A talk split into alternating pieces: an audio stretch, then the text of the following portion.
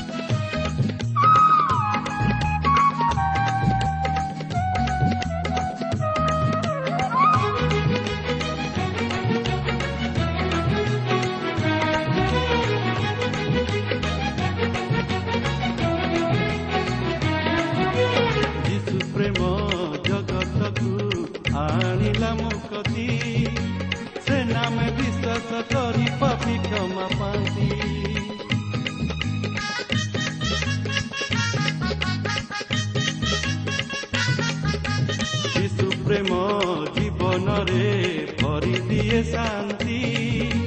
ସେ ନାମରେ ଦୂର ହୁଏ ସବୁ ଭୟ ଭ୍ରାନ୍ତି। ଅନୁପମ ସେଇ ପ୍ରେମ ପ୍ରିୟତମ ସେଇ ନାମ। ଅନୁପମ ସେଇ ପ୍ରେମ ପ୍ରିୟତମ ସେଇ ନାମ। ସତତି ଯେ କାମର ସେଇ ନାମରେ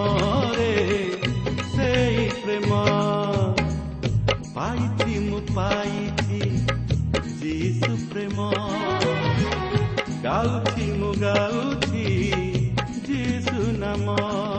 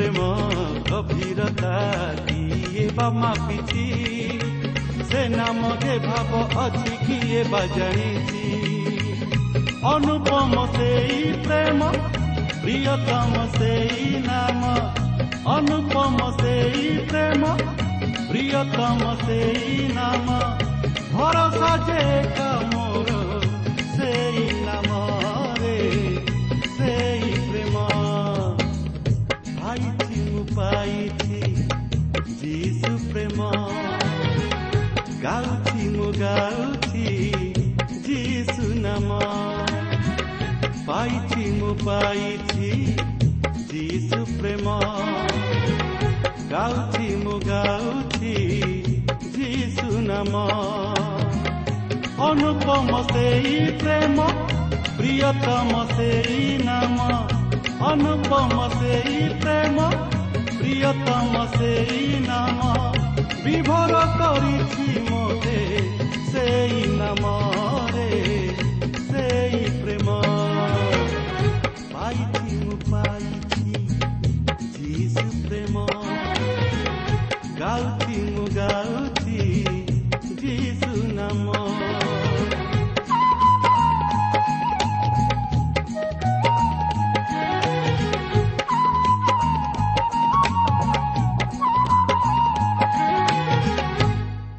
ପ୍ରିୟ ଶ୍ରୋତା ବନ୍ଧୁ ଆମ୍ଭମାନଙ୍କର ତ୍ରାଣକର୍ତ୍ତା ପ୍ରଭୁ ଯୀଶୁଖ୍ରୀଷ୍ଟଙ୍କ ବହୁମୂଲ୍ୟ ନାମରେ ଶୁଭେଚ୍ଛା ଜଣାଏ। ଆଜିର ଏହି ପଥ ପ୍ରଦର୍ଶିକା କାର୍ଯ୍ୟକ୍ରମକୁ ଆପଣଙ୍କୁ ସ୍ୱାଗତ ଜଣାଏ। ଆପଣ ଏହି କାର୍ଯ୍ୟକ୍ରମର ଜଣେ ନିୟମିତ ଶ୍ରୋତା ଜାଣିବା ବିଶେଷ ଖୁସି। ଆପଣଙ୍କର ଅନୁରୋଧ କ୍ରମେ ଆମେ ଏକ ଉପାଦେୟ ପୁସ୍ତକ ଆପଣଙ୍କ ନିକଟକୁ ପଠାଇଛୁ। ତାହା ଅଧ୍ୟୟନ କରନ୍ତୁ।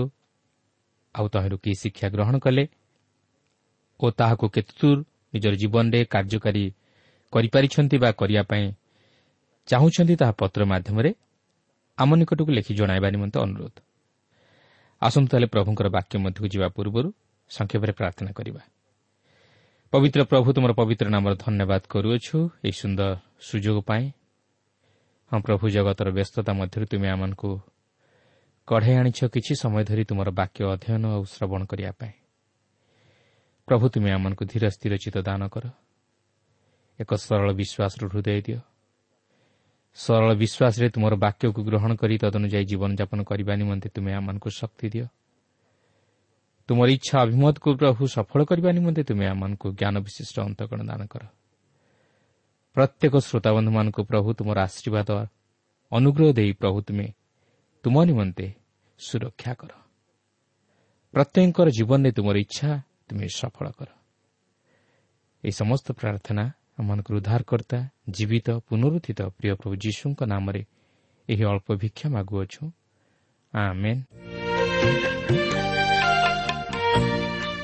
ଆସନ୍ତୁ ବର୍ତ୍ତମାନ ଆମେ ପ୍ରଭୁଙ୍କର ବାକ୍ୟ ମଧ୍ୟକୁ ଯିବା। ଆଜି ଆମେ ଜୋହନ ଲିଖିତ ସୁଷମାଚାରର ତେର ପର୍ବର ଏକୋଇଶ ପଦରୁ ଆରମ୍ଭ କରି ଚଉଦ ପର୍ବର ଚାରିପଦ ପର୍ଯ୍ୟନ୍ତ ଅଧ୍ୟୟନ କରିବା ନିମନ୍ତେ ଯିବା। କିନ୍ତୁ ଏଠାରେ ମୁଁ ଆପଣଙ୍କୁ ସ୍ମରଣ କରାଇଦେବାକୁ ଚାହେଁ ଯେ ଗତ ପାଠରେ ଆମେ ସେହି ଉପର କୋଠରୀରେ ଯୀଶୁ ତାଙ୍କର ନିଜର ଶିଷ୍ୟମାନଙ୍କୁ ଯେଉଁ ସବୁ ଶିକ୍ଷା ଓ ଉପଦେଶ ଦେଇଥିଲେ ତାହା ଦେଖିଥିଲୁ ଓ ସେ ବିଶେଷରେ ତାହାଙ୍କର ସେହି କୃଷି ମୃତ୍ୟୁ ଆଡ଼କୁ ଅଗ୍ରସର ହେଉଥିବାରୁ ତାଙ୍କର ଶିଷ୍ୟମାନଙ୍କୁ କେତେକ ବିଷୟ ନେଇ ସତର୍କ କରାଇ ଦେଇଥିଲେ ଓ ସେଥିସହିତ ସେ ଯେ ସେହି ଇସ୍କାରିଓଥ୍ ଜିହୁଦା ଦ୍ୱାରା ଶତ୍ରୁହସ୍ତରେ ସମର୍ପିତ ହେବାକୁ ଯାଉଅଛନ୍ତି ତାହା ମଧ୍ୟ ପ୍ରକାଶ କରିଥିଲେ।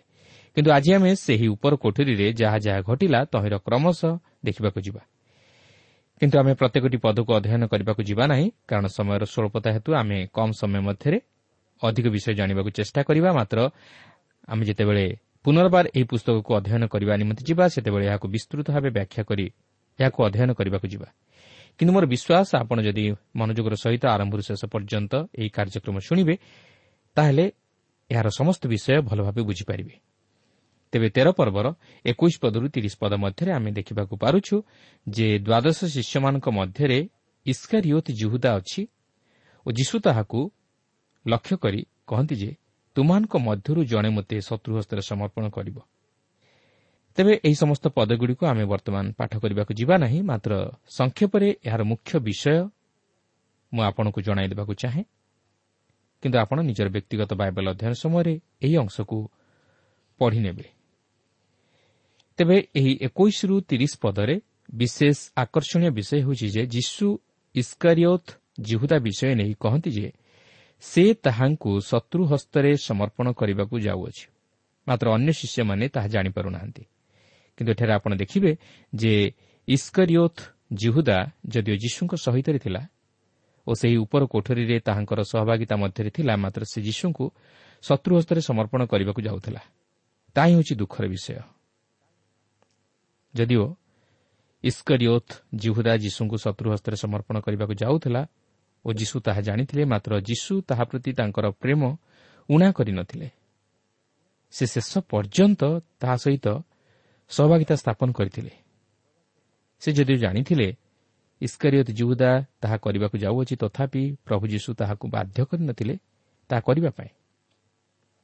ପ୍ରଭୁ ଯୀଶୁ ତାହା ନିମନ୍ତେ ଅନେକ ସୁଯୋଗ ଦେଇଥିଲେ। ଯେପରି ସେ ତାହାଙ୍କୁ ଗ୍ରହଣ କରିପାରେ ମାତ୍ର ଜିହୁଦା ତାହା କରିପାରିନଥିଲା ବରଂ ସେ ପ୍ରଭୁ ଯୀଶୁଙ୍କଠାରୁ ବିମୁଖ ହୋଇ ଚାଲିଗଲା। ଯେହେତୁ ଯାହା ଭାବାଣୀ ହୋଇଥିଲା ତାହା ଏହି ପ୍ରକାରେ ମଧ୍ୟ ସଫଳ ହେବାକୁ ଥିଲା। ତେଣୁ ଆପଣ ଦେଖିବେ ଯେ ଜିହୁଦା ପ୍ରଭୁ ଯୀଶୁଙ୍କଠାରୁ ବିମୁଖ ହେବାରୁ ତାହାର ହୃଦୟରେ ଶୟତାନ କାର୍ଯ୍ୟ କଲା ଓ ସେ ଶୟତାନର ପ୍ରରୋଚନାରେ ଚାଳିତ ହୋଇ ଯୀଶୁଙ୍କୁ ଶତ୍ରୁ ହସ୍ତରେ ସମର୍ପଣ କରିବା ନିମନ୍ତେ ଆଗେଇଗଲା। ତେଣୁ ଆପଣ ଦେଖନ୍ତୁ ଜିହୁଦା ନିଜେ ସେହି ନିଷ୍ପତ୍ତି ନେଇଥିଲା। କାରଣ ଈଶ୍ୱର କୌଣସି ମନୁଷ୍ୟକୁ ନରକଗାମୀ କରାଇବାକୁ ଚାହାନ୍ତି ନାହିଁ। ମାତ୍ର ମନୁଷ୍ୟ ନିଜେ ନିଜକୁ ନରକଗାମୀ କରାଇଥାଏ। କାରଣ ଈଶ୍ୱର ମନୁଷ୍ୟକୁ ମଧ୍ୟ ସ୍ୱାଧୀନ ଚିନ୍ତାଧାରା ଦେଇଅଛନ୍ତି କିନ୍ତୁ ଯିଏ ଏହାକୁ ଉତ୍ତମ ଭାବରେ ନିୟନ୍ତ୍ରିତ କରାଏ ସେ ଉଦ୍ଧାର ପାଏ। ମାତ୍ର ଯିଏ ଏହାକୁ ବିନାଶର ପଥରେ ପରିଚାଳିତ କରାଏ ସେ ବିନାଶ ପ୍ରାପ୍ତ ହୁଏ। ଯେତେବେଳେ ଜଣେ ପ୍ରଭୁ ଯୀଶୁଖ୍ରୀଷ୍ଟଙ୍କଠାରେ ବିଶ୍ୱାସ କରି ତାହାଙ୍କୁ ନିଜ ହୃଦୟରେ ଉଦ୍ଧାରକର୍ତ୍ତା ରୂପେ ଗ୍ରହଣ କରେ ସେ ଉଦ୍ଧାର ପାଏ। ମାତ୍ର ଯେଉଁ ବ୍ୟକ୍ତି ଖ୍ରୀଷ୍ଟଙ୍କୁ ଅଗ୍ରାହ୍ୟ କରି ନିଜର ପାପରେ ବିନଷ୍ଟ ହୁଏ ସେ ଉଦ୍ଧାର ପାଏ ନାହିଁ। ଯାହାକି ଇସ୍କରିଓଥ ଜିହୁଦାର ଜୀବନରେ ଘଟିଲା। ସେ ନିଜ ପାପରେ ହିଁ ମଲା। ତେବେ ଦେଖନ୍ତୁ ସତେଇଶ ପଦରେ ଏହିପରି ଲେଖା ଅଛି ସେ ରୋଟି ଖଣ୍ଡକ ପାଇଲା ଉତ୍ତାରେ ଶୟତାନ ତାହା ମଧ୍ୟରେ ପ୍ରବେଶ କଲା। ସେଥିରେ ଯୀଶୁ ତାହାକୁ କହିଲେ ଯାହା କରୁଅଛ ତାହା ଶୀଘ୍ର କର। ଦେଖନ୍ତୁ ଶେଷ ପର୍ଯ୍ୟନ୍ତ ପ୍ରଭୁ ଯୀଶୁ ତାହାକୁ ପ୍ରେମ କରୁଥିଲେ ଓ ତାହାକୁ ସେହି ବିନାଶର ପଥରୁ ଫେରିଆସିବା ପାଇଁ ସୁଯୋଗ ଦେଇଥିଲେ। ମାତ୍ର ସବୁକିଛି ବିଫଳ ହେଲା। ସେ ପ୍ରଭୁ ଯୀଶୁଙ୍କର ବାସ୍ତବ ପ୍ରେମକୁ ବୁଝିପାରିଲା ନାହିଁ। ତିରିଶ ପଦରେ ଲେଖା ଅଛି ରୋଟି ଖଣ୍ଡକ ଗ୍ରହଣ କରି ସେ ତତ୍କ୍ଷଣାତ୍ ବାହାରିଗଲା। ସେତେବେଳେ ରାତ୍ରିକାଳ ଦେଖନ୍ତୁ ରୋଟି ଖଣ୍ଡକ ଗ୍ରହଣ କରି ସେ ସେହି ସହଭାଗିତା ମଧ୍ୟରୁ ବାହାରିଗଲା। ଆଉ ତାହା ମଧ୍ୟ ରାତ୍ରିକାଳ ଥିଲା। ଆଉ ତାହା ହିଁ ଥିଲା ତାହା ନିମନ୍ତେ ଅନନ୍ତକାଳୀନ ରାତ୍ରି। ଆଉ ତାହା ହିଁ ଥିଲା ଅନ୍ଧକାରର କାର୍ଯ୍ୟ। ତାହା ନିମନ୍ତେ ସେହି ରାତ୍ରି ଥିଲା ଏକ ବିନାଶର ରାତ୍ରି ଏକ ଅନ୍ଧକାରର ସମୟ। ତାହା ନିମନ୍ତେ ସେହି ରାତ୍ରି ଆଉ ଦିବସରେ ପରିଣତ ହୋଇପାରିଲା ନାହିଁ। ମାତ୍ର ସେ ସେହି ଅନ୍ଧକାର ମଧ୍ୟରେ ଲୀନ ହୋଇଗଲା। ସେ ଜ୍ୟୋତିକୁ ପରିତ୍ୟାଗ କରି ଅନ୍ଧକାରର ପଥରେ ଚାଲିଗଲା। ସେ ସେହି ଉଦ୍ଧାରର ପଥକୁ ପରିତ୍ୟାଗ କରି ବିନାଶର ପଥରେ ଚାଲିଗଲା। କାରଣ ସେ ଶୟତାନର ପଥରେ ଚାଲିଗଲା। ଆଉ ଶୟତାନର କାର୍ଯ୍ୟ ହେଉଛି ବଦ୍ଧ ଓ ବିନାଶ କରିବା। ପ୍ରିୟ ବନ୍ଧୁ ଶୈତାନ ଆଜି ବି ମଧ୍ୟ ତାହାର କାର୍ଯ୍ୟ କରୁଅଛି। ସେ ଚାହେଁ ନାହିଁ ମନୁଷ୍ୟ ସତ୍ୟକୁ ଜାଣି ଈଶ୍ୱରଙ୍କର ଗୌରବ ଓ ପ୍ରଶଂସା କରୁ ବୋଲି। ତେଣୁ ସେ ବିଭିନ୍ନ ପ୍ରକାର ଉପାୟରେ ପ୍ରଲୋଭିତ କରି ମନୁଷ୍ୟମାନଙ୍କୁ ପ୍ରଭୁଙ୍କଠାରୁ ଦୂରକୁ ନେଇଯାଏ। ସେ ମନୁଷ୍ୟମାନଙ୍କୁ ସେହି ବିନାଶର ପଥରେ କଢ଼ାଇ ନିଏ ଯଦ୍ୱାରା ମନୁଷ୍ୟ ସବୁକିଛି ଜାଣିଲେ ଓ ବୁଝିଲେ ମଧ୍ୟ ଆତ୍ମିକ ଜୀବନରେ ଅନ୍ଧ ହୋଇ ରହିଥାଏ ଓ ଶୟତାନର ଚାଳନାରେ ପରିଚାଳିତ ହୁଏ। ତେଣୁ ପ୍ରିୟ ବନ୍ଧୁ ଆଜି ଆପଣଙ୍କର ଜୀବନକୁ ସମୀକ୍ଷା କରନ୍ତୁ ଓ ନିଜକୁ ପଚାରନ୍ତୁ ମୁଁ ସେହି ଶୟତାନର ଚାଳନାରେ ପରିଚାଳିତ ହେଉନାହିଁ ତ? ବନ୍ଧୁ ଆଜି ଅନେକ ପ୍ରଭୁ ଯୀଶୁଙ୍କ ବିଷୟରେ ଜାଣନ୍ତି ଓ ତାହାଙ୍କର କାର୍ଯ୍ୟ ବିଷୟରେ ଅବଗତ ଅଟନ୍ତି। ମାତ୍ର ଶୟତାନ ସେମାନଙ୍କୁ ଏପରି ଭାବରେ ଅନ୍ଧ କରିଦେଇଛି ଯେ ସେମାନେ ତାହା ଜାଣିଲେ ମଧ୍ୟ ବୁଝିଲେ ମଧ୍ୟ ପ୍ରଭୁ ଯୀଶୁ ଖ୍ରୀଷ୍ଟଙ୍କୁ ଉଦ୍ଧାରକର୍ତ୍ତା ରୂପେ ଗ୍ରହଣ କରିପାରନ୍ତି ନାହିଁ କି ତାହାଙ୍କଠାରେ ବିଶ୍ୱାସ ସ୍ଥାପନ କରିପାରନ୍ତି ନାହିଁ। ଆଉ ତାହା ହିଁ ହେଉଛି ଶୟତାନର କାର୍ଯ୍ୟ। ସେ ମନ ମଧ୍ୟରେ ବିଭିନ୍ନ ପ୍ରକାର ସନ୍ଦେହ ଆଣିଦିଏ ଅବିଶ୍ୱାସ ଆଣିଦିଏ। ତେଣୁ ମୋର ଅନୁରୋଧ ଶୟତାନର କାର୍ଯ୍ୟ ବା ଚିନ୍ତାଧାରା ଅନୁଯାୟୀ ପରିଚାଳିତ ହୁଅନ୍ତୁ ନାହିଁ। ମାତ୍ର ପ୍ରଭୁ ଯୀଶୁଙ୍କଠାରେ ବିଶ୍ୱାସ କରି ତାହାଙ୍କର ବାସ୍ତବ ପ୍ରେମକୁ ଓ ସହଭାଗିତାକୁ ଉପଲବ୍ଧି କରିବା ନିମନ୍ତେ ଚେଷ୍ଟା କରନ୍ତୁ। ଏହାପରେ ଆପଣ ଦେଖନ୍ତୁ ସେହି ଉପର କୋଠରୀର ମଧ୍ୟରେ କିଛି ପରିବର୍ତ୍ତନ ଘଟିଅଛି। ଜିହୁଦା ବର୍ତ୍ତମାନ ଛାଡ଼ି ଚାଲିଯାଇଛି ଓ ସେହି ଉପର କୋଠରୀରେ ଯୀଶୁ ଏକାଦଶ ଶିଷ୍ୟମାନଙ୍କ ସହ ଅଛନ୍ତି ଓ ସେ ସେମାନଙ୍କୁ ଶିକ୍ଷା ଦେଉଛନ୍ତି। ସେମାନଙ୍କର ସେହି ମାନସିକ ଅସ୍ଥିରତା ମଧ୍ୟରେ ସେ ସେମାନଙ୍କୁ ଧୈର୍ଯ୍ୟ ଓ ସାନ୍ତ୍ୱନା ଦେଇ ସେମାନଙ୍କୁ ଉତ୍ସାହ ପ୍ରଦାନ କରୁଅଛନ୍ତି। ଏକତିରିଶ ପଦରୁ ତେତିଶ ପଦରେ ଆମେ ଦେଖୁଛୁ ଯେ ସେ ଯେ ସେହି କୃଷି ମୃତ୍ୟୁ ଓ ପୁନରୁତ୍ଥାନ ଦ୍ୱାରା ମହିମାନିତ ହେବାକୁ ଯାଉଅଛନ୍ତି ତାହା ସେ ପ୍ରକାଶ କରନ୍ତି। କେବଳ ସେ ନୁହନ୍ତି ମାତ୍ର ସେହି କୃଷି ମୃତ୍ୟୁ ଓ ପୁନରୁତ୍ଥାନ ଦ୍ୱାରା ଈଶ୍ୱର ମଧ୍ୟ ମହିମାନିତ ହେବାକୁ ଯାଉଅଛନ୍ତି କାହିଁକି? ଯେହେତୁ ସେହି କୃଷି ମୃତ୍ୟୁ ଦ୍ୱାରା ସମଗ୍ର ମାନବ ଜାତି ପ୍ରତି ଉଦ୍ଧାରର କାର୍ଯ୍ୟ ସାଧିତ ହେବାକୁ ଯାଉଅଛି କାରଣ ସେହି କୃଷି ହେଉଛି ଏକମାତ୍ର ଉଦ୍ଧାରର ପଥ। ଯେଉଁ ପଥରେ ଗଲେ ପାପି ପାପରୁ ଉଦ୍ଧାର ପାଏ ସେହି ପରିତାଣର ଅଧିକାରୀ ହୁଏ। କାରଣ ଏହା ହିଁ ଥିଲା ଈଶ୍ୱରଙ୍କର ଯୋଜନା ଯେପରି ପ୍ରଭୁ ଯୀଶୁଙ୍କର ସେହି ପବିତ୍ର ରକ୍ତ ଦ୍ୱାରା ସମଗ୍ର ମାନବ ଜାତି ପାପରୁ ଉଦ୍ଧାର ପାଇ ସେହି ଅନନ୍ତ ଜୀବନର ଅଧିକାରୀ ହୁଅନ୍ତି। ତେଣୁକରି ପ୍ରଭୁ ଯୀଶୁଖ୍ରୀଷ୍ଟ ସେହି କୃଷିୟ ମୃତ୍ୟୁରେ ଈଶ୍ୱରଙ୍କ ମହତ୍ ଅଭିମତ ସାଧନ କରିବା ଦ୍ୱାରା ସେ ଈଶ୍ୱରଙ୍କ ଦ୍ୱାରା ମହିମାନିତ ହେଲେ ଓ ଈଶ୍ୱର ମଧ୍ୟ ତାହାଙ୍କ ମୃତ୍ୟୁ ଓ ପୁନରୁତ୍ଥାନ ଦ୍ୱାରା ମହିମାନିତ ହେଲେ। ଏହାପରେ ସେ ସେହି ଏକାଦଶ ଶିଷ୍ୟମାନଙ୍କୁ ଏକ ନୂତନ ଆଜ୍ଞା ଦେଉଅଛନ୍ତି ଯାହାକି ଚଉତିରିଶ ଓ ପଞ୍ଚତିରିଶ ପଦରେ ଲେଖା ଅଛି। ତୁମ୍ଭେମାନେ ପରସ୍ପରକୁ ପ୍ରେମ କର ଏହି ନୂତନ ଆଜ୍ଞା ମୁଁ ତୁମମାନଙ୍କୁ ଦେଉଅଛି। ମୁଁ ଯେପରି ତୁମମାନଙ୍କୁ ପ୍ରେମ କରିଅଛି ତୁମେମାନେ ମଧ୍ୟ ସେହିପରି ପରସ୍ପରକୁ ପ୍ରେମ କର। ଯଦି ତୁମମାନଙ୍କର ପରସ୍ପର ପ୍ରତି ପ୍ରେମ ଥାଏ ତାହେଲେ ତୁମେମାନେ ଯେ ମୋହର ଶିଷ୍ୟ ଏହା ସମସ୍ତେ ତଦ୍ୱାରା ଜ୍ଞାତ ହେବେ। ଏଠାରେ ପ୍ରଭୁ ଯୀଶୁ ତାଙ୍କର ମୃତ୍ୟୁ ପୂର୍ବରୁ ଶିଷ୍ୟମାନଙ୍କୁ ପ୍ରେମ କରିବାକୁ କହନ୍ତି। କାରଣ କେବଳ ପ୍ରଭୁ ଯୀଶୁଙ୍କଠାରେ ବିଶ୍ୱାସ କରି ନିଜେ ପାପରୁ ଉଦ୍ଧାର ପାଇଗଲେ ଯଥେଷ୍ଟ ନୁହେଁ। ମାତ୍ର ସେହି ପ୍ରେମ ଅନ୍ୟମାନଙ୍କ ପ୍ରତି ମଧ୍ୟ ପ୍ରକାଶ କରିବାକୁ ହେବ। ସେଥିପାଇଁ ପ୍ରଭୁ ଯୀଶୁ କହନ୍ତି ମୁଁ ଯେପରି ତୁମମାନଙ୍କୁ ପ୍ରେମ କରିଅଛି ତୁମେମାନେ ମଧ୍ୟ ସେହିପରି ପରସ୍ପରକୁ ପ୍ରେମ କର। ତେବେ ପ୍ରଭୁ ଯୀଶୁଙ୍କର କିପରି ପ୍ରେମ ଥିଲା? ସେ ଆମକୁ କିପରି ପ୍ରେମ କରିଅଛନ୍ତି? ବାସ୍ତବରେ ତାହାଙ୍କ ପ୍ରେମ ଏକ ନିଃସ୍ୱାର୍ଥପର ପ୍ରେମ। ତାହାଙ୍କର ପ୍ରେମ ଏକ କ୍ଷମା ଦେବାର ପ୍ରେମ। ତାହାଙ୍କ ପ୍ରେମ ଏକ ନିଷ୍କପଟ ପ୍ରେମ। ଆଉ ସେ ମଧ୍ୟ ଚାହାନ୍ତି ଆମେ ଯେପରି ପରସ୍ପରକୁ ସେହିପରି ଭାବରେ ପ୍ରେମ କରୁ ଯଦ୍ୱାରା ଆମ୍ଭେମାନେ ଯେ ତାହାଙ୍କର ଶିଷ୍ୟ ତାହା ଜଗତ ଜାଣିବେ। ତେବେ ଆଜି କ'ଣ ଆମର ସେହିପରି ଆଦର୍ଶମୟ ଜୀବନ ଅଛି କି? ଆମେ କ'ଣ ପରସ୍ପରକୁ ଖ୍ରୀଷ୍ଟଙ୍କ ପ୍ରେମରେ ପ୍ରେମ କରିପାରୁଛୁ କି? କାରଣ ପ୍ରଭୁ ଯୀଶୁଙ୍କର ଶିଷ୍ୟତ୍ୱର ପରିଚୟ ହେଉଛି ପ୍ରେମ। ଏହି ପ୍ରେମ ହେଉଛି ପ୍ରତ୍ୟେକ ଖ୍ରୀଷ୍ଟ ବିଶ୍ୱାସୀଙ୍କ ନିମନ୍ତେ ଏକ ବ୍ୟାଚ୍। କିନ୍ତୁ ଏହା ବାହିକ ଭାବରେ ନୁହେଁ ମାତ୍ର ଆନ୍ତରିକ ଭାବରେ। କିନ୍ତୁ ଏଠାରେ ଲକ୍ଷ୍ୟ କରିବାର ବିଷୟ ହେଉଛି ଯେ ଯୀଶୁ ଯେତେବେଳେ ସେମାନଙ୍କୁ କହନ୍ତି ଯେ ମୁଁ ଯେଉଁ ସ୍ଥାନକୁ ଯାଉଅଛି ତୁମମାନେ ସେ ସ୍ଥାନକୁ ଯାଇପାର ନାହିଁ ସେତେବେଳେ ସିମନ ପିତରଙ୍କ ମନରେ ଏହି କଥା ଆନ୍ଦୋଳିତ ହେବାକୁ ଲାଗିଲା। କ'ଣ ହେଲା? ଯୀଶୁ ପୁଣି ଏପରି କେଉଁ ସ୍ଥାନକୁ ଯାଉଅଛନ୍ତି ଯେ ମୁଁ ତାହାଙ୍କର ପଛରେ ଯାଇପାରିବି ନାହିଁ? ତେଣୁ ଏହିପରି ଏକ ଅବସ୍ଥାରେ ସେ ଯୀଶୁଙ୍କୁ ନିଜର ବିଶ୍ୱସ୍ତତା ଓ ପ୍ରେମକୁ ଦେଖାଇ ହେବାକୁ ଯାଇ ଯୀଶୁଙ୍କୁ ଏହିପରି ଉତ୍ତର ଦିଅନ୍ତି ଯାହାକି ଛତିଶ ଓ ସଇଁତିରିଶ ପଦରେ ଲେଖା ଅଛି। ସିମନ ପିତର ତାହାଙ୍କୁ ପଚାରିଲେ ପ୍ରଭୁ ଆପଣ କେଉଁଠାକୁ ଯାଉଅଛନ୍ତି?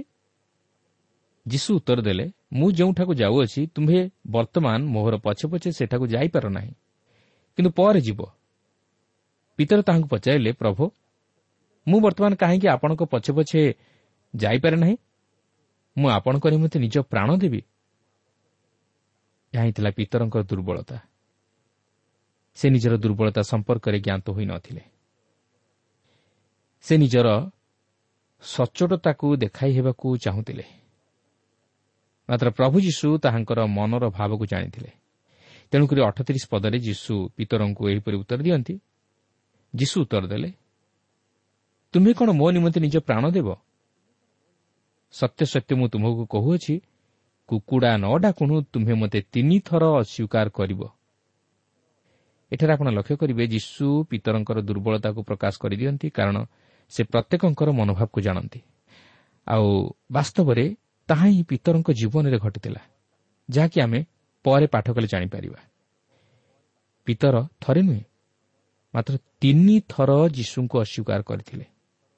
ପ୍ରକୃତରେ ପ୍ରଭୁ ଯୀଶୁ ଆମମାନଙ୍କର ଦୁର୍ବଳତା ସବୁ ଜାଣନ୍ତି। ଆମେ କେତେ ଦୂର ତାହାଙ୍କଠାରେ ବିଶ୍ୱସ୍ତ ତାହା ମଧ୍ୟ ସେ ଜାଣନ୍ତି। ତାହାଙ୍କ ନିକଟରେ କୌଣସି ବିଷୟ ଗୁପ୍ତ ନୁହେଁ। କିନ୍ତୁ ଦୁଃଖର ବିଷୟ ମଣିଷ ଆଜି ଈଶ୍ୱରଙ୍କୁ ଭଣ୍ଡିବାକୁ ଯାଇ ନିଜେ ଭଣ୍ଡି ହେଉଛି। ମନୁଷ୍ୟ ଆଜି ନିଜେ ନିଜକୁ ଧାର୍ମିକ ଜ୍ଞାନ କରି ନିଜକୁ ଠିକ୍ ବୋଲି ଭାବୁଛି। କିନ୍ତୁ ସେ କେବେ ହେଲେ ନିଜର ଦୁର୍ବଳତାକୁ ଚିହ୍ନିବା ନିମନ୍ତେ ଚେଷ୍ଟା କରେ ନାହିଁ। ସେଦିନ ଯଦି ପିତର ନିଜର ଦୁର୍ବଳତା ପ୍ରତି ଦୃଷ୍ଟି ଦେଇଥାନ୍ତେ ତାହେଲେ ସେ କେବେ ହେଲେ ଯୀଶୁଙ୍କୁ ଏପରି ଉତ୍ତର ଦେଇନଥାନ୍ତେ ତେଣୁ ପ୍ରିୟ ବନ୍ଧୁ କେବେ ହେଲେ ନିଜ ଶକ୍ତିରେ ବା ଚିନ୍ତାଧାରାରେ ଦୃଢ଼ ରହି ନିଜକୁ ଧାର୍ମିକ ବୋଲି ବିବେଚିତ ହେବା ପାଇଁ ଚେଷ୍ଟା କରନ୍ତୁ ନାହିଁ। ମାତ୍ର ନିଜର ଦୁର୍ବଳତାକୁ ହେଜ କରି ପ୍ରଭୁ ଯୀଶୁଙ୍କଠାରୁ ଶକ୍ତି ମାଗନ୍ତୁ। ତାହେଲେ ସେ ଆପଣଙ୍କୁ ଆପଣଙ୍କର ସମସ୍ତ ଦୁର୍ବଳ ଅବସ୍ଥାରେ ସବଳ କରି ଏକ ଧାର୍ମିକ ଜୀବନଯାପନ କରିବା ନିମନ୍ତେ ଶକ୍ତି ଦେବେ। କାରଣ ଆମେ ଦୁର୍ବଳ ମନୁଷ୍ୟ। ଆମେ କେବେ ହେଲେ ନିଜ ଶକ୍ତି ସାମର୍ଥ୍ୟ ବା ଚେଷ୍ଟାରେ ଧାର୍ମିକ ବୋଲି ଗଣିତ ହୋଇପାରିବା ନାହିଁ। କିନ୍ତୁ ପ୍ରଭୁ ଯୀଶୁଖ୍ରୀଷ୍ଟଙ୍କଠାରେ ବିଶ୍ୱାସ କରିବା ଦ୍ୱାରା ତାହାଙ୍କ ଧାର୍ମିକତା ଦ୍ୱାରା ଧାର୍ମିକ ବୋଲି ଗଣିତ ହୋଇପାରିବା। ତେଣୁ ଯଦି ଆମେ ନିଜକୁ ଦୁର୍ବଳ ବୋଲି ଚିନ୍ତା କରୁ ତାହେଲେ ଆମେ ସବଳ ହେବା ପାଇଁ ଜଣଙ୍କର ସାହାଯ୍ୟକୁ ଆଶା କରିବା ଆଉ ସେ ହେଉଛନ୍ତି ପ୍ରଭୁ ଯୀଶୁଖ୍ରୀଷ୍ଟ। ତେଣୁକରି ପ୍ରେରିତ ପାଉଲ ଦ୍ୱିତୀୟ କରନ୍ଥୀୟ ବାର ପର୍ବର ଦଶ ପଦରେ ଏହିପରି ଉଲ୍ଲେଖ କରନ୍ତି ତେଣୁ ଖ୍ରୀଷ୍ଟଙ୍କ ନିମନ୍ତେ ଦୁର୍ବଳତାରେ ଅପମାନରେ ଦୁର୍ଦ୍ଦଶାରେ ତାଡ଼ନାରେ ସଙ୍କଟରେ ମୁଁ ସନ୍ତୁଷ୍ଟ ହୁଏ। କାରଣ ଯେତେବେଳେ ମୁଁ ଦୁର୍ବଳ ସେତେବେଳେ ମୁଁ ବଳବାନ। ଆଜି ମଧ୍ୟ ଆମ ଜୀବନ ପ୍ରତି ଏହି ବାକ୍ୟ ପ୍ରଯୁଜ୍ୟ। ଯଦି ଆମେ ନିଜର ଦୁର୍ବଳତାକୁ ଜାଣିବା ନିମନ୍ତେ ଚେଷ୍ଟା କରିବା ତାହେଲେ ଆମେ ଆତ୍ମିକ ଜୀବନରେ ନିଶ୍ଚୟ ବଳବାନ ହୋଇପାରିବା। କାରଣ ଆମେ ଯେତେବେଳେ ନିଜର ଦୁର୍ବଳତା ସବୁକୁ ଜାଣି ପ୍ରଭୁ ଯୀଶୁଙ୍କର ନିକଟବର୍ତ୍ତୀ ହେଉ ଓ ତାହାଙ୍କଠାରେ ନିଜର ଦୁର୍ବଳତା ସବୁକୁ ସ୍ୱୀକାର କରୁ ସେତେବେଳେ ସେ ଆମର ଦୁର୍ବଳତା ସବୁକୁ କ୍ଷମା ଦେଇ ଆମକୁ ତାହାଙ୍କ ପବିତ୍ର ଆତ୍ମାଙ୍କ ଶକ୍ତିରେ ବଳବାନ କରନ୍ତି। ଓ ଆମେ ଆତ୍ମିକ ଜୀବନରେ ବଳବାନ ହେଉ। ତେବେ ଏଠାରେ ଆମେ ଜୋହନ ତେର ପର୍ବଟିକୁ ଅଧ୍ୟୟନ କରି ସମାପ୍ତ କଲୁ। ମାତ୍ର ଏହାପରେ ଆମେ ଚଉଦ ପର୍ବଟିକୁ ଅଧ୍ୟୟନ କରିବାକୁ ଯିବା। ଏହି ଚଉଦ ପର୍ବ ହେଉଛି ତେର ପର୍ବର କ୍ରମଶଃ। କାରଣ ତେର ପର୍ବରେ ପ୍ରଭୁ ଯୀଶୁ ପିତରଙ୍କୁ ଯେଉଁ ସବୁ ବିଷୟ କହିଥିଲେ ତାହା କେବଳ ତେର ପର୍ବରେ ସମାପ୍ତ ହୁଏ ନାହିଁ ମାତ୍ର ଏହି ଚଉଦ ପର୍ବରେ ମଧ୍ୟ ଦେଖିବାକୁ ମିଳେ। ଆପଣ ଜାଣିଥିବେ ପିତର ଯେତେବେଳେ ଯୀଶୁଙ୍କୁ କହିଲେ ମୁଁ ଆପଣଙ୍କ ନିମନ୍ତେ ନିଜର ପ୍ରାଣ ଦେବି ବୋଲି ସେତେବେଳେ ଯୀଶୁ ପିତରଙ୍କର ବିଫଳତାକୁ ପ୍ରକାଶ କରି ସେହି ବିଫଳତାରୁ ତାହାଙ୍କୁ ରକ୍ଷା କରି ପୁନର୍ବାର ଈଶ୍ୱରଙ୍କ ସହିତ ସୌଭାଗିତା ସ୍ଥାପନ କରାଇବା ନିମନ୍ତେ ସେ ତାହାଙ୍କୁ ଉପଦେଶ ଦିଅନ୍ତି। କାରଣ ଯଦିଓ ପିତର ନିଜର ଦୁର୍ବଳତା ସମ୍ବନ୍ଧରେ ଅଜ୍ଞ ଥିଲେ ମାତ୍ର ଯୀଶୁ ତାହା ଜାଣିଥିଲେ ଓ ତାହା ଘଟିବା ସମୟରେ ସେ ଯେପରି ସାନ୍ତ୍ୱନା ପ୍ରାପ୍ତ ହୁଅନ୍ତି ଏଥିନିମନ୍ତେ ସେ ପୂର୍ବରୁ ଏହି ଚଉଦ ପର୍ବରେ ପିତରଙ୍କୁ ଉପଦେଶ ଦେଇ ସାନ୍ତ୍ୱନା ଦିଅନ୍ତି। ତେବେ ଦେଖନ୍ତୁ ଚଉଦ ପର୍ବର ପ୍ରଥମ ପଦରେ ଏହିପରି ଲେଖା ଅଛି ତୁମମାନଙ୍କ ହୃଦୟ ଉଦ୍ବିଗ୍ନ ନ ହେଉ ତୁମେମାନେ ଈଶ୍ୱରଙ୍କଠାରେ ବିଶ୍ୱାସ କର ମୋଠାରେ ମଧ୍ୟ ବିଶ୍ୱାସ କର। ଏଠାରେ ଆପଣ ଲକ୍ଷ୍ୟ କରିବେ ପ୍ରଭୁ ଯୀଶୁ ନିଜକୁ ଈଶ୍ୱରଙ୍କ ସହିତ ସମାନ କରିଦିଅନ୍ତି ଓ ତାହାଙ୍କଠାରେ ବିଶ୍ୱାସ କରିବାକୁ ହେବ ବୋଲି କହନ୍ତି। କାହିଁକି? ଯେହେତୁ ସେ ହେଉଛନ୍ତି ନିଜେ ସେହି ବାକ୍ୟ ରୂପୀ ଈଶ୍ୱର ଓ ସେ ନିଜେ ହେଉଛନ୍ତି ଉଦ୍ଧାରକର୍ତ୍ତା ଈଶ୍ୱର। କିନ୍ତୁ ଅନେକ ସମୟରେ ଆମେ ଈଶ୍ୱରଙ୍କ ଉପରେ ବିଶ୍ୱାସ କରୁ ସତ ମାତ୍ର ପ୍ରଭୁ ଯୀଶୁଙ୍କଠାରେ ବିଶ୍ୱାସ କରୁନା। କିନ୍ତୁ କେବଳ ଈଶ୍ୱରଙ୍କଠାରେ ବିଶ୍ୱାସ କରିଦେଲେ ଆମେ ପାପରୁ ଉଦ୍ଧାର ପାଇପାରିବା ନାହିଁ। ଯେହେତୁ ସେ ଯଦିଓ ଆମମାନଙ୍କ ନିମନ୍ତେ ସେହି ଉଦ୍ଧାରର ଯୋଜନା ସାଧନ କରିଥିଲେ ମାତ୍ର ପ୍ରଭୁ ଯୀଶୁଙ୍କ ଦ୍ୱାରା ସେ ଆମମାନଙ୍କ ନିମନ୍ତେ ତାହା ସାଧନ କରିଅଛନ୍ତି। ତେଣୁ ସେହି ଯୀଶୁଖ୍ରୀଷ୍ଟଙ୍କଠାରେ ବିଶ୍ୱାସ କରିବା ଦ୍ୱାରା ସେ ଆମ୍ଭମାନଙ୍କୁ ପିତା ଈଶ୍ୱରଙ୍କ ସହ ମିଳିତ କରାନ୍ତି। ଏହାପରେ ଏହି ଚଉଦ ପର୍ବର ଦୁଇ ପଦରୁ ଚାରିପଦ ମଧ୍ୟରେ ଏହିପରି ଲେଖା ଅଛି। ମୋହର ପିତାଙ୍କ ଗୃହରେ ଅନେକ ବାସସ୍ଥାନ ଅଛି। ଯଦି ନଥାନ୍ତା ତାହେଲେ ମୁଁ ତୁମମାନଙ୍କୁ କହିଥାନ୍ତି। ମୁଁ ତୁମାନଙ୍କ ନିମନ୍ତେ ସ୍ଥାନ ପ୍ରସ୍ତୁତ କରିବା ପାଇଁ ଯାଉଅଛି। ପୁଣି ମୁଁ ଯାଇ ତୁମାନଙ୍କ ନିମନ୍ତେ ସ୍ଥାନ ପ୍ରସ୍ତୁତ କଲେ। ପୁନର୍ବାର ଆସିବି। ଆଉ ମୁଁ ଯେଉଁ ସ୍ଥାନରେ ଥାଏ ତୁମ୍ଭେମାନେ ମଧ୍ୟ ଯେପରି ସେହି ସ୍ଥାନରେ ରହିବ ସେଥି ନିମନ୍ତେ ତୁମ୍ଭମାନଙ୍କୁ ଆପଣା ନିକଟକୁ ଘେନିଯିବି। ପୁଣି ମୁଁ ଯେଉଁ ସ୍ଥାନକୁ ଯାଉଅଛି ତାହାର ପଥ ତୁମେମାନେ ଜାଣ। ଏହି ଅଂଶରେ ପ୍ରଭୁ ଯୀଶୁ ତାଙ୍କର ଖ୍ୟାତି ଓ ତାହାଙ୍କର ସାର୍ବଭୌମତ୍ୱ ଅଧିକାରକୁ ପ୍ରକାଶ କରନ୍ତି। ଓ ସେଠାରେ ଶିଷ୍ୟମାନଙ୍କୁ ସାନ୍ତ୍ୱନା ଦେଇ କହନ୍ତି ଯେ ସେ ସେମାନଙ୍କ ନିମନ୍ତେ ସ୍ଥାନ ପ୍ରସ୍ତୁତ କରିବା ପାଇଁ ଯାଉଅଛନ୍ତି। ଅର୍ଥାତ୍ ସେ ଏଠାରେ ସେମାନଙ୍କୁ କହିବାକୁ ଚାହାନ୍ତି ଯେ ଏହି ସମଗ୍ର ବିଶ୍ୱ ଅନେକ ସ୍ଥାନରେ ପରିପୂର୍ଣ୍ଣ ଅର୍ଥାତ୍ ଏହି ବିଶ୍ୱ ମଧ୍ୟରେ ଅନେକ ସ୍ଥାନ ରହିଅଛି। ତଥାପି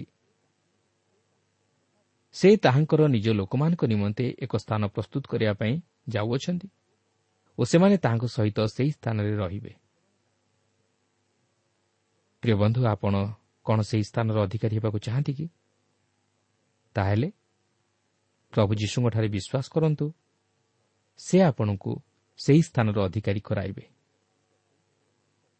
ତେବେ ଏହି କଥାରେ ଶିଷ୍ୟମାନଙ୍କ ମଧ୍ୟରେ କି ପ୍ରକାର ପ୍ରତିକ୍ରିୟା ସୃଷ୍ଟି ହେଲା ତାହା ଆମେ ପରବର୍ତ୍ତୀ କାର୍ଯ୍ୟକ୍ରମରେ ଆଲୋଚନା କରିବା। କିନ୍ତୁ ମୋର କହିବାର କଥା ଯେ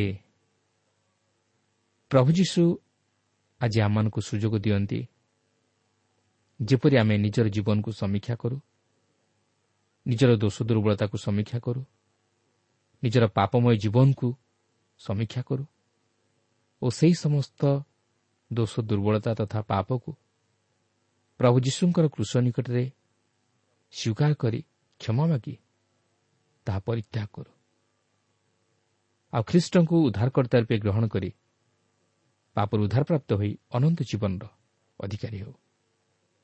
ପ୍ରଭା ପ୍ରତ୍ୟେକଙ୍କୁ ଏହି ସଂକ୍ଷିପ୍ତ ଆଲୋଚନା ମଧ୍ୟ ଦେଇ ଆଶୀର୍ବାଦ କରନ୍ତୁ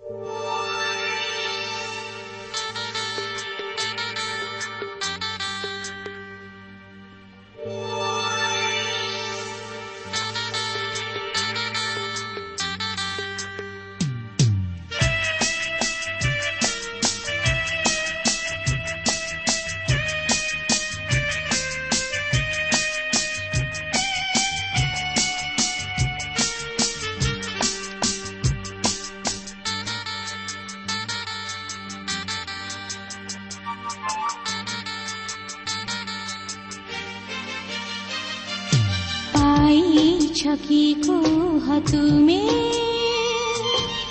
ଜୀବନରେ ପରିତ୍ରାଣ କରିଛ କି ଅନୁଭବ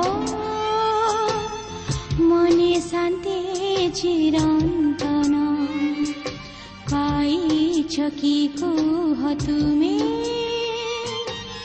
ଜୀବନରେ ପରିତ୍ରାଣ କରିଛ କି ଅନୁଭବ ମନେ ଶାନ୍ତି ଚିରନ୍ତନ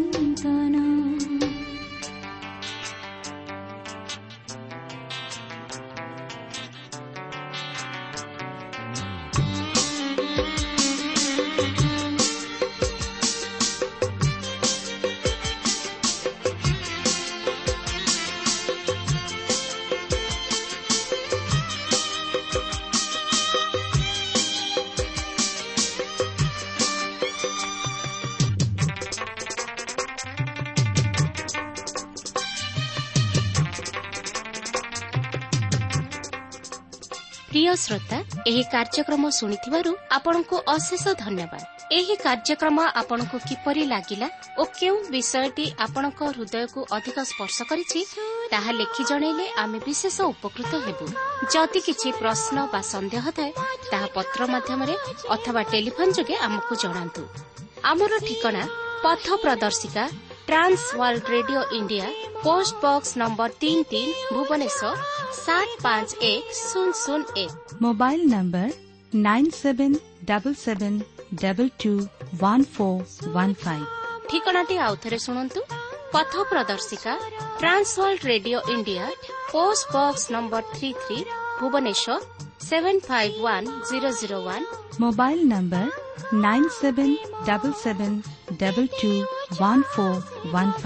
আমার ইমেল আড্রেস টি লিখি রাখুন Odia TV at radio eight eight two dot com তেবে আজি পাই এইঠারে রখুছু নমস্কার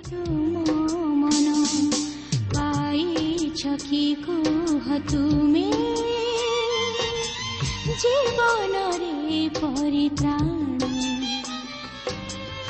কৰিছ কি অনুভৱ মনে শান্তি চিৰন্ত